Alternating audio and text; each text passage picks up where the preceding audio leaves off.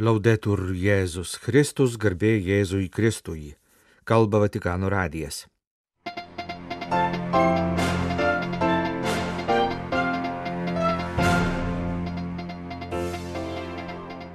Sekmadienio vidudienio malda Šventojo Petro aikštėje. Ką skelbia dykumoje skambantis balsas. Popiežius taip pat priminė visuotinės žmogaus teisų deklaracijos paskelbimo 75-asias metinės prašė nepaliauti melstis už taiką. Šioje laidoje mūsų bendradarbė Aistė Karpytė pristatys savo interviu su seserimi Astavenskauskaitė. Pokalbio apie gerojo samariečio bendruomenę tekstas paskelbtas mūsų interneto svetainėje. Laidos pabaigoje Gedrius Tamaševičius apžvelgs pastarąją savaitę skelbtas žinias apie bažnyčios gyvenimo įvykius Lietuvoje.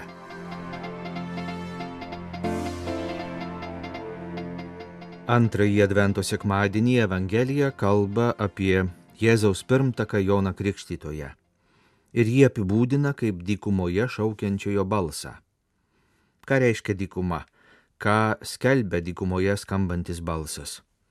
Apie tai popiežius Pranciškus kalbėjo trumpoje katechezėje prieš sekmadienio vidudienio viešpaties angelo maldą. Il deserto luogo vuoto dove non si comunica e la voce messa per parlare sembrano due immagini contraddittorie, ma nel Battista si coniugono. Dykuma tai tuščia vieta, kur nevyksta joks bendravimas, o balsas tai komunikavimo priemonė. Atrodo, kad šie dalykai vienas su kitu nesuderinami, tačiau Jono Krikštytojo asmenyje jie susijungia, sakė popiežius. Apie Dievo karalystę Jonas kalba prie Jordano upės, netoli tos vietos, kur prieš daug amžių išrinktoji tauta įžengė į pažadėtąją žemę. Così facendo è come se dicesse per ascoltare Dio dobbiamo tornare nel luogo in cui per 40 anni egli ha accompagnato. Jis tarsi sako, kad jei norime klausytis Dievo, turime sugrįžti į tą dykumą, kurioje jis 40 metų lydėjo, saugojo ir ugdė savo tautą. Esso è il luogo del silenzio, è il luogo dell'essenzialità, dove non si può permettere di indugiare in cose inutili. Šiuo atveju dykuma tai tylos ir esmės vieta, kur žmogus negali gaišti laiko nereikalingiems dalykams, bet turi susitelkti į tai, kas būtina. Pasak Pranciškaus, šio sekmadienio Evangelija mums primena, kad jei norime sėkmingai tęsti gyvenimo kelionę, turime atsikratyti visų perteklinių dalykų. Perché vivere bene non vuol dire riempirsi di cose inutili, ma liberarsi del superfluo. Gerai gyventi reiškia ne apsunkinti save tuo, kas nereikšminga, bet atsikratyti to, kas nereikalinga. Reiškia atidžiai peržvelgti save ir stengti suvokti, kas iš tiesų yra svarbu Dievo akivaizdoje, o kas yra tik tuščia žodžiavimas ir nereikalingi taršalai. Taip prieiname prie antrojo šio sekmadienio Evangelijoje pabrėžto dalyko - balso, tęsė Pranciškus. Balsas yra priemonė, kurią išreiškiame tai, ką galvojame ir nešiojamės širdyje. Žodis yra susijęs su tyla, nes juo išreiškiame tai, kas subręsta viduje, ką suprantame įsiklausę į dvasios balsą. Se non si sa tacere, è difficile che si abbia qualcosa buono da dire. Mentre più attento è il silenzio, più forte è la parola. Jei žmogus nemoka tylėti, jam sunku ką nors gero pasakyti. Tuo tarpu, kuo dėmesingesnė tyla, tuo stipresnis žodis. Jonas Krikštytojas yra atgailos žmogus kviečiantis į atgailą, yra liudytojas, kurio žodžiai teka iš širdies. Štai kodėl jo balsas nelieka neišgirstas, bet sugeba paveikti kitų gyvenimus ir padaryti daug gerą. Maria Vergine del Silenzio ci aiuti ad amare il deserto per diventare voci credibili. Tad melskime Mariją, tylos mergelę, paragino popiežius, kad ji padėtų mums branginti tylą ir kad taptume patikimais balsais, skelbiančiais jo sūnaus ateimą. Benedicat vos, omnipotens Deus, Pater et Filius et Spiritus Sanctus. Amen.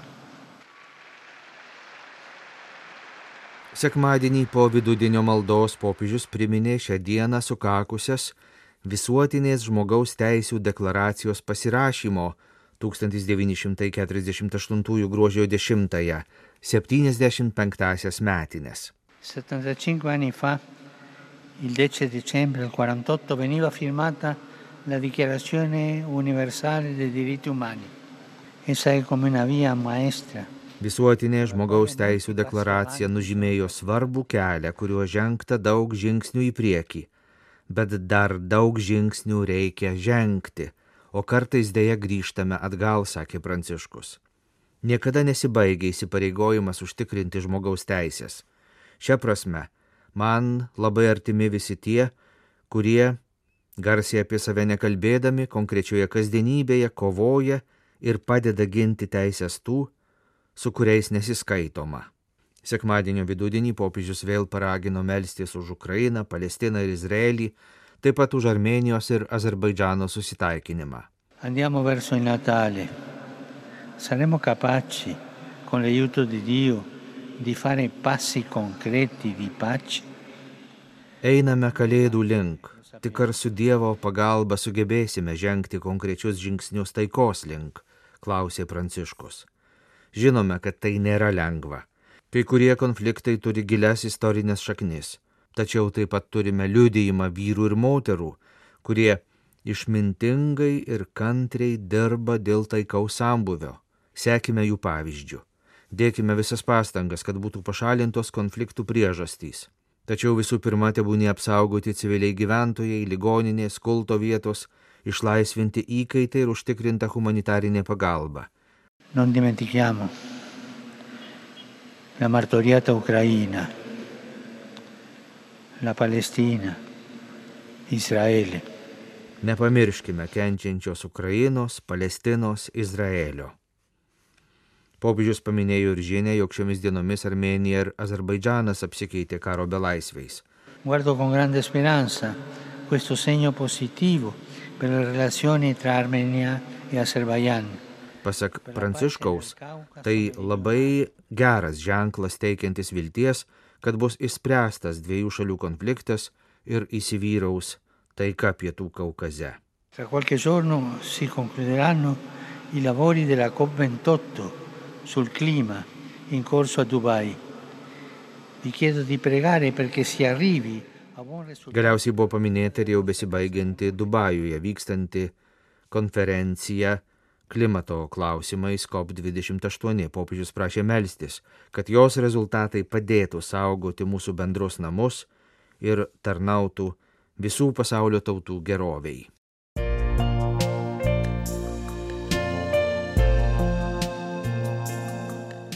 Jūs klausotės Vatikano radio. Tęsėme žinių laidą lietuvių kalba.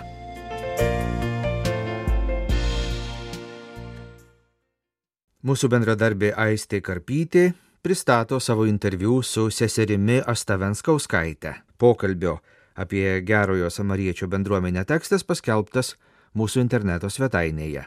Sesuo Astavenskauskaitė atleidimas įvyksta meilėje. Šių dienų kontekste dažnai galime išgirsti žodį vidinė žaizda ir dar reikalingesnį žodį gydimas. Kiekvienas žmogus yra patyręs didesnių ar mažesnių sužeidimų, daugybė žmonių visą gyvenimą kenčia nuo jų, tad šį kartą susitikome su sese Astavenskauskaite pasikalbėti apie ypatingą vidinių žaizdų gydimo kelią ir gerojo samariečio bendruomenę, kuri šiais metais Lietuvoje švenčia 20-uosius gyvavimo metus. Sesuo Asta šioje bendruomenėje yra nuo pat pradžių Atrodo, kad 20 metų išbūti yra didelis įsipareigojimas ir ištikimybė. Todėl paklausus sesės Astos, kaip sekėsi išbūti visus šiuos metus, atsako. Vien rekolekcijoms visada atrodo net ir tokios mintis, o kam čia to reikia, o galiu ir lengviau gyventi. Nes vis tiek tai tikrai yra įsipareigojimas, yra nu, ir našta tam tikra. Bet kiekvieną kartą kai vyksta rekolekcijos, kai matai, kaip šviesėja žmonių veidai, kaip jie taip akivaizdžiai keičiasi ir, ir po rekolekcijų, kai jau įvyksta tie Dievo darbai žmonių širdise, Tai galvoju, verta, verta tikrai ir, ir laiką aukoti, ir jėgas, ir tikrai tegul viešpats daro per mane, ką jisai nori, ir, ir nesvarbu, kiek, kiek reikia jėgų iš mano pusės ir, ir kiek, kiek laiko. Taigi viena iš pagrindinių šios bendruomenės veiklų yra vidinio gydymo rekolekcijos. O kaip joms ruošiamasi sesė Asta dalinasi kaip palydėtojai, kai vyksta mūsų kažkokie nu, vat, mokymai arba, arba pokalbiai, tiesiog pasikalbėjimai, pasitarimai, mes irgi svarstom apie tai, kiek reikia žmogui pasiruošti.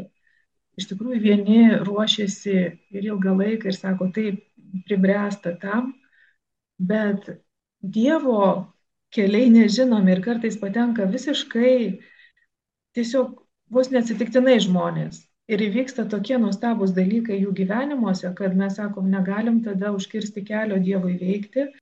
Vyksta registracija, iš tikrųjų yra būtina susitikimas su vienu iš palydėtojų, kad būtų ištyrinėta ta žemė, į kurią turėtų kristi ta siekla. Kalbėjomės apie rekolekcijų pavadinimą - mylėti ir atleisti.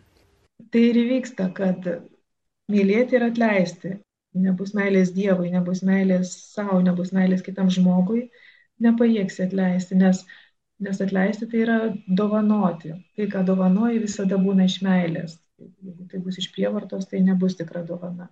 Kai kas ir sako, grinai, atleidimo rekolekcijos, net pamirštam tą žodį mylėti. Tikslas arba kulminacija, kurią vedam per rekolekcijas, kai žmogus ištaria atleidimo žodžius - meilėje Dievui ir meilėje kitam žmogui. Pokalbyje taip pat palėtėme tokias temas Kaip žinoti, kad žmogus kenčia nuo vidinių sužeidimų? Ar raktas išgyjimui nuo vidinių sužeidimų yra atleidimas meilėje? Ką daryti, jeigu negaliu atleisti? Ir džiaugiamės, jog šiais metais tarptautinis gerojo samariečio bendruomenės susitikimas vyko Vilniuje. Visą pokalbį kviečiu skaityti Vatikanius.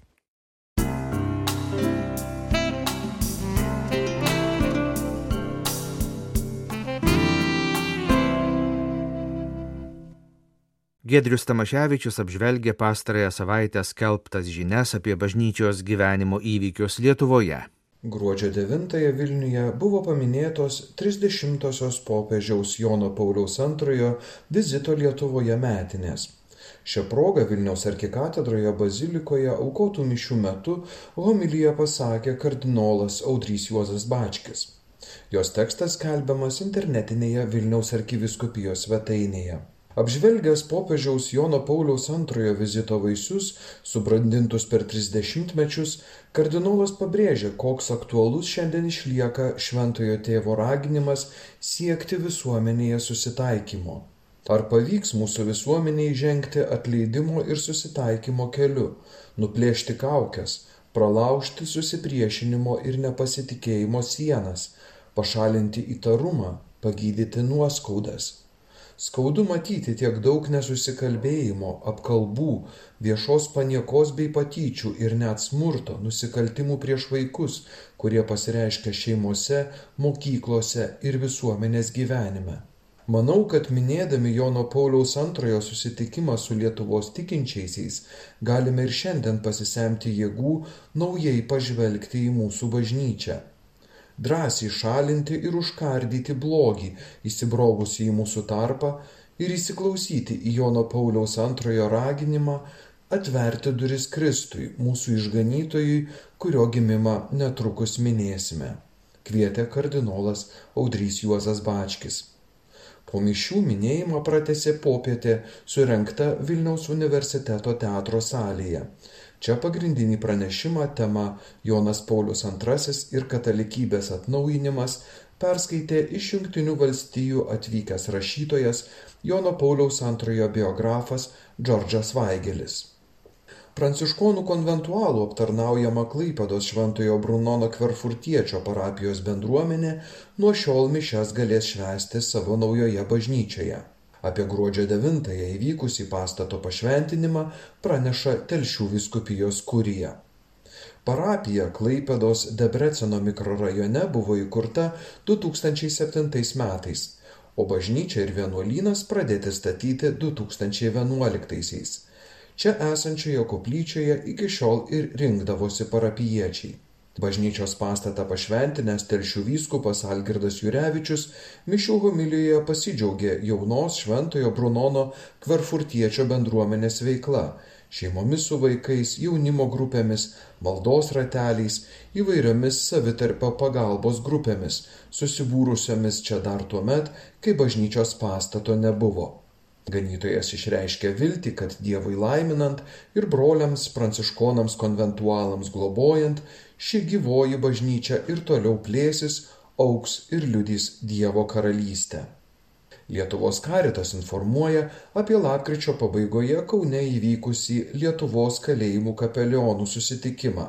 Jo metu Alitaus, Marijampolės, Pravieniškių, Vilniaus ir Kauno kalėjimuose tarnaujantys kapelionai dalyjosi savo sielovindinės veiklos patirtimi, išklausė kviestinio svečio Vilniaus universiteto docento kriminologo Gintauto Sakalausko išsakyto rūpeščio dėl neproporcingai didelio laisvės atimimo bausmę atliekančių asmenų skaičiaus Lietuvoje. Visako pagrindas valstybėje principas, kad žmogaus orumas neliečiamas Todėl ir nusikaltimą padariusio žmogaus orumas yra vienodai svarbus kaip ir visų. Svarbu turėti bendruomeninę poziciją, kad kiekvienas žmogus turi gyventi visuomenėje, suprantant, kad kalėjimas yra žalingas.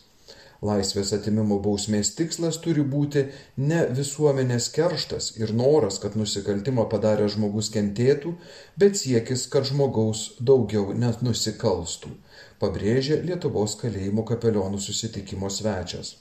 Kalinių resocializacija kaip viena iš pagrindinių kalėjimų kapelionų tarnystės tikslų įvardijo ir Lietuvos karito programos Sielovada bausmių vykdymo vietose koordinatorė Milita Žičkutė Lindžienė. Nusikaltimai atneša itin daug skausmo nukentėjusiems, jų artimai aplinkai, nusikaltimą padariusiems ir jų artimiesiems mes suprantame, kad nebegalime pakeisti jau įvykusių skausmingų ir žalojančių įvykių. Tačiau kuo toliau, tuo labiau jaučiame, kad prasminga įdėti visas galimas pastangas, kad nusikaltimą padaręs asmuo po laisvės atimimo bausmės daugiau nebenusikalstų, kad daugiau nebesikartotų tos žalingos ir skausmingos situacijos. Dėl to labai vertinu ir džiaugiuosi viskupų paskirtais kapelionais, kurie skiria savo laiko peržengti kalėjimo slengstį, mato tame prasme ir siekia, kad suklupęs žmogus žengtų samoningesniu ir be nusikaltimų keliu. Gedrus Tamaševičius, Vatikano radijui iš Vilniaus.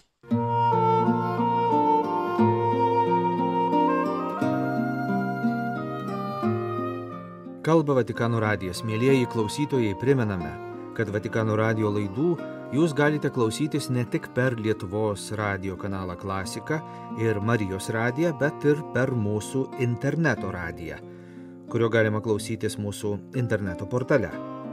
Vatikano radio lietuviškasis kanalas veikia visą parą be pertraukos. Jo laidų tinklelyje žinios lietuvių kalba, liturginės valandos, rožinio malda, mišios lotynų kalba ir klasikinė muzika. Primename mūsų interneto portalo adresą vaticannews.va lt. Jūs klausėtės Vatikano radio žinių laidos lietuvių kalba. Atsisveikiname iki rytojaus. Laudetur Jėzus Kristus.